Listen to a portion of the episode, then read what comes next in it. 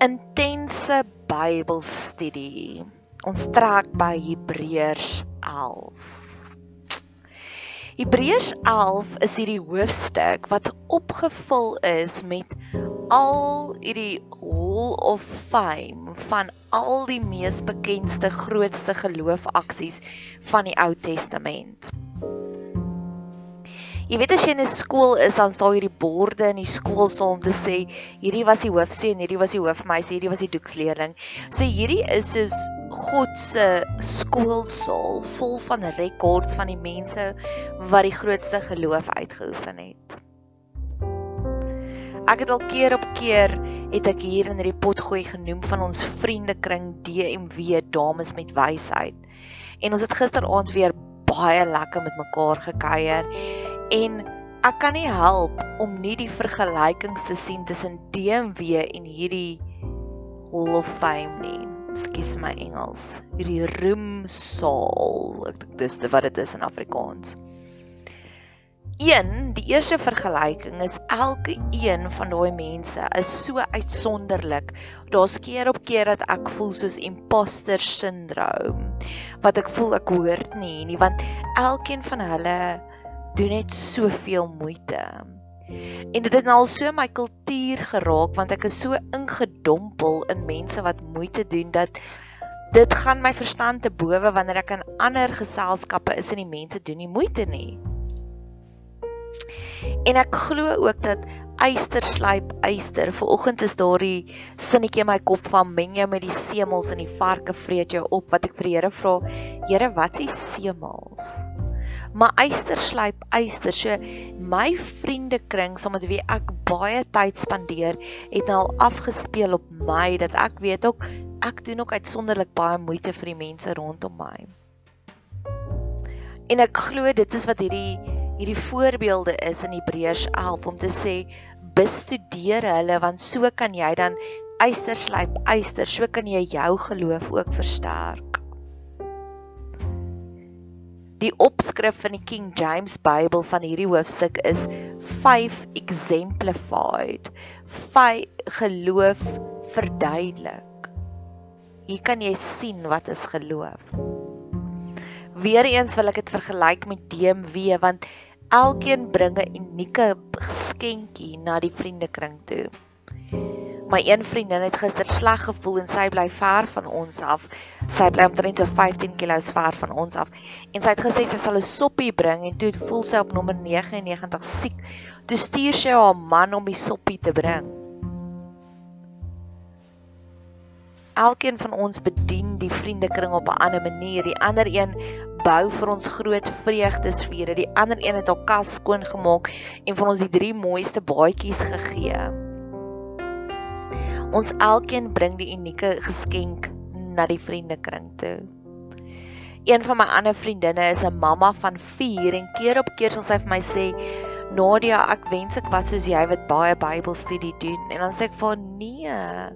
Om 4 kinders groot te maak is 'n tipe van aanbidding.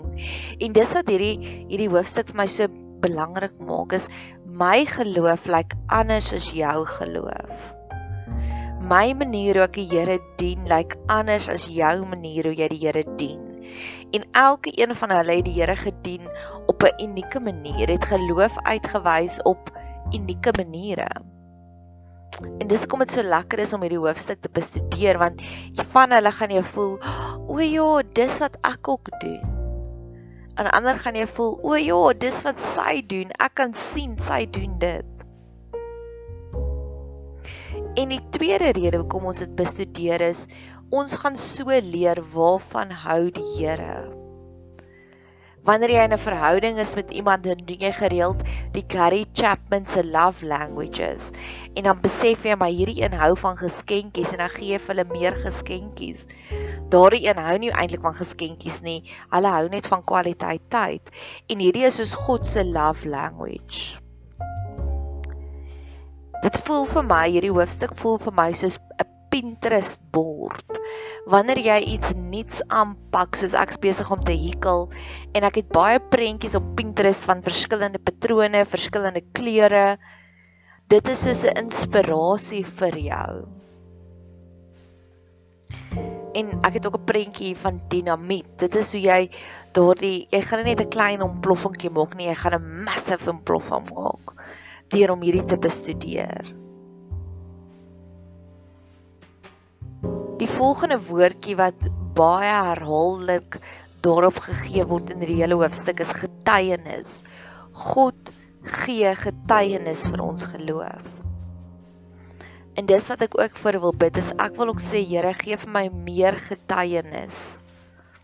Gee vir my meer u stamp of approval.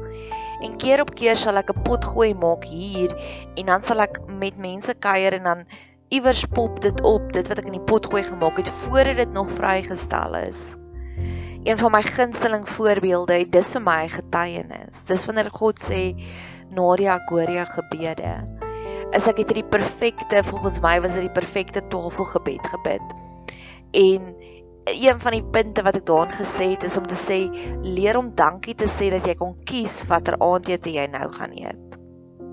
En daai middag toe ek by vriende gaan eet en toe bid haar man en die potgooi was nog nie eers publiek nie. So niemand het daarna geluister nie. Toe bid hy Here, dankie dat ons kan kies wat ons kan eet. Of 'n ander voorbeeld is ek het liefdesgebede gebid en ek het gebid daar ek het Arthur, die film Arthur gebruik as 'n inspirasie en daar sit die verskriklike mooi oomblik waar hy vir sy nanny al die beere gaan koop en ek sê Here ek wil meer hierdie tipe van groot gebaar romantiese aksies sien in my lewe. En 'n dag later het my vriend vir my van Kanada af hierdie video gestuur van 'n beer wat hy afgeneem het in sy tuin. En dis hoe God vir my my gebede bevestig. Weereens, dit was nie dat hy dit daarna kon geluister het nie. So dis hierdie getuienisse en op hierdie oomblik doen ek dit ook bidend want ek staan voor twee kruispaaie met God wat ek sê Here moet ek links gaan of moet ek regs gaan. Die een gaan oor my bediening, ons bediening en net dat ek voel ons moet 'n nuwe resep skryf en ek weet nie wat om nou te doen nie. En die tweede een gaan oor my liefdeslewe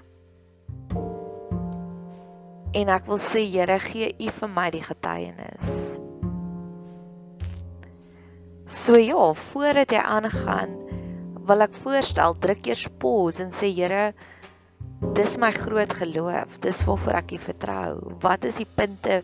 Waar staan jy by 'n kruispunt? So wat het Abel reg gedoen? Kom ons begin met die eerste een wat Kain verkeerd gedoen het. Die Bybel sê deur die geloof het Abel 'n beter offer aan God gebring as Kain, waardeur hy getuienis ontvang het dat hy regverdig was omdat God oor sy gawes getuienis gegee het en deur dieselfde geloof spreek hy nog nadat hy dood is. So ek wil gou-gou eers bietjie Mythbusters speel. Baie mense dink dis omdat Kain het 'n graanoffer gebring en Abel so Kain het 'n paar stukkies popcorn gebring, springmielies en en Abel en Kain, nee, en Abel, ekskuus, het 'n ou skapietjie gebring. Dit was nie oor wat hulle gebring het nie, want later in Levitikus sê God jy kan springmielies vir hom bring. En 'n springmielies gebed, 'n graanoffer gebed vir my vandag is in vandag se terme is fetching popcorn. Dis wanneer jy God vertrou vir so 'n groot ding. Dis amper asof asof wat jy 'n film kyk. Dis my springmilies offer. Dit gaan nie daaroor nie. God sê ons mag graan offers bring. My teorie is en dit kan net Nadia teorie wees, maar vir nou is dit hoe God dit vir my geopenbaar het.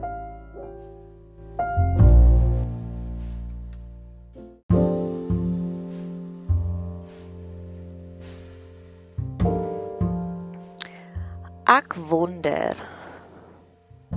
of God nie meer van Abel se offer gehou het omdat Abel se offer was opreg nie. En ek wonder of Kain nie net gesien het o, dis wat my boetie doen, so ek gaan dit ook doen nie. Dis my teorie. Ek voel God hou van organiese offers, organic En nou praat ek nie van hoe dit gegroei is sonder pesticides nie. Ek praat van om iets natuurlik te doen, om iets vrywilliglik te doen. Om nie net iets te doen omdat jy geforseer word nie. Om nie net daai tiende vir die kerk te gee omdat jy voel jy moet nie.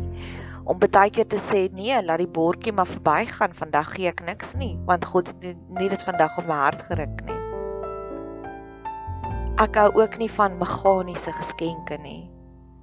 Ek hou oor die algemeen is ek nie groot op verjaarsdae of geskenke nie want ek voel dis 'n geforseerde geskenk waar ek sal eerder in 'n winkel wil instap en 'n mooi sepie sien en dit dan vir jou wil koop en dit vir jou wil gee.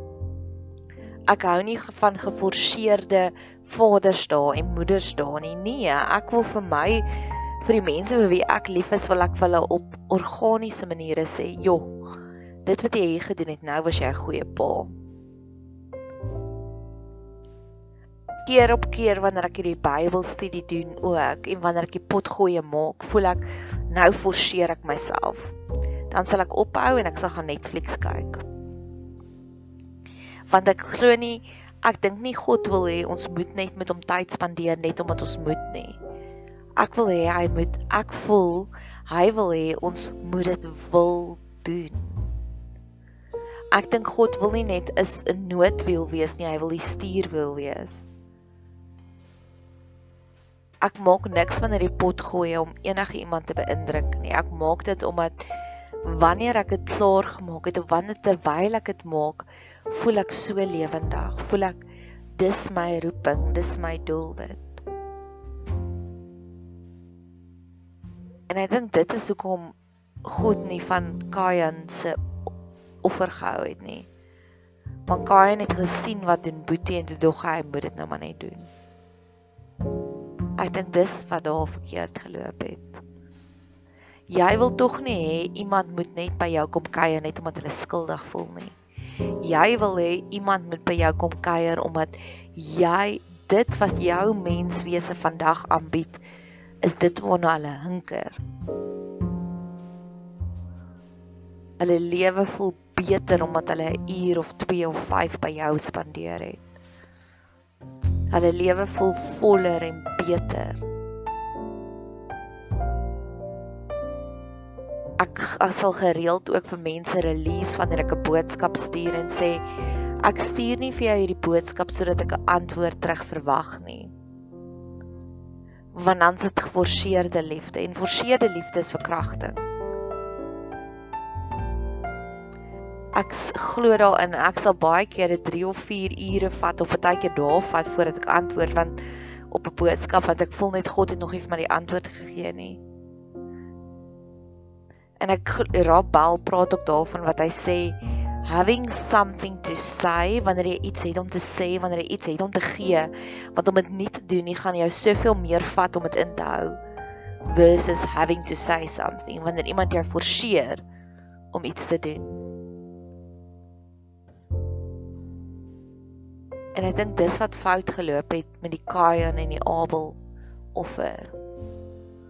God het gevoel dat Kain se offer is net meganies. Ek en een van my beradingsvriende het ook al daaroor gepraat wat ons ook al gesê het wanneer iemand lank in 'n huwelik is en die huwelik is toksies wonder ons baie keer of het hulle nie seksuele omgang wat net meganies is nie. Daar is niks liefde daarin nie. Daar's niks passie daarin nie. En ek dink dit is waarna God op soek is nie. Hy wil ons hy sê dan vir ons ek wil hê jy moet my lief hê met jou hele hart, met jou hele krag en met al jou verstand. Ek wil hê jy moet my passie voel, lief hê. Ek wil nie hê jy moet my wetties lief hê nie. Ek wil nie hê jy moet hierdie offer bring net omdat jy moet nie ek bid baie kere nie eers voordat ek eet nie. En dan ander kere dan sê ek, "Sjoe, Here, hierdie kos lyk like so lekker." En ek dink dis die godsdiensgees. Die godsdiensgees forceer ons om sekere dinge te moet doen en ek dink dis wat dit daar's lê so groot geskenk in die Kain en Abel storie. Eintlik om te sê dien God op die manier hoe jy voel. My een vriendin sal gereeld praise en worship onderhou by hulle huis. Dis glad nie my cup of tea nie. Maar ek sal ure in die woord spandeer en leer en dit gaan analiseer en prentjies maak teen my mure. So ja. Hierdie is die inleiding van Hebreërs 11. Mag dit jou geïnspireerd maak om net meer en meer te gaan kyk na die verskillende offers en die verskillende tipe geloof wat ons vir God kan bewys. Indien jy kinders het, sal jy ook weet jou kinders is verskillend. Die een is die drukkie mens, die ander een is die geskenkie een, die ander een is die mooi woordjies een.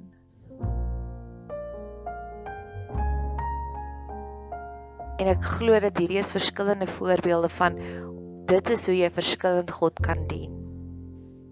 Is dit meganies? Is dit net omdat jy dit moet doen?